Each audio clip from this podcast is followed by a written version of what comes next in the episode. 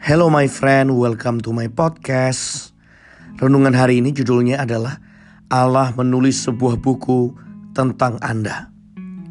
Mazmur 139 ayat yang keempat berkata, Sebab sebelum lidahku mengeluarkan perkataan, sesungguhnya semuanya telah kau ketahui ya Tuhan.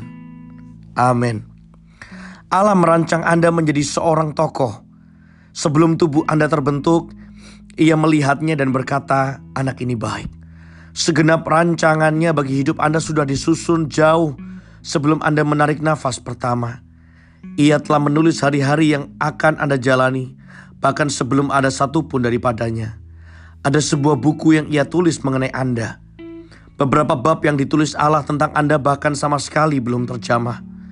Sebagian dari kita hanya berkutat di halaman indeks atau menghabiskan waktu bertahun-tahun di bagian daftar isi saja. Saat ini usia Anda mungkin sudah 30 tahun, tetapi Anda belum mengetahui rancangan Allah bagi hidup Anda. Itu berarti Anda hanya berkutat di daftar isi. Usia Anda sudah 30 tahun dan masih bertanya-tanya apa yang seharusnya Anda perbuat. Itu berarti Anda belum mulai sama sekali.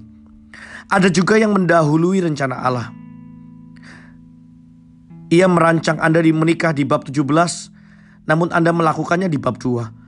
Anda mengabaikan hal-hal yang perlu Anda pelajari dan alami di dalam bab 2 hingga 16 supaya siap menjalani pernikahan di bab 17.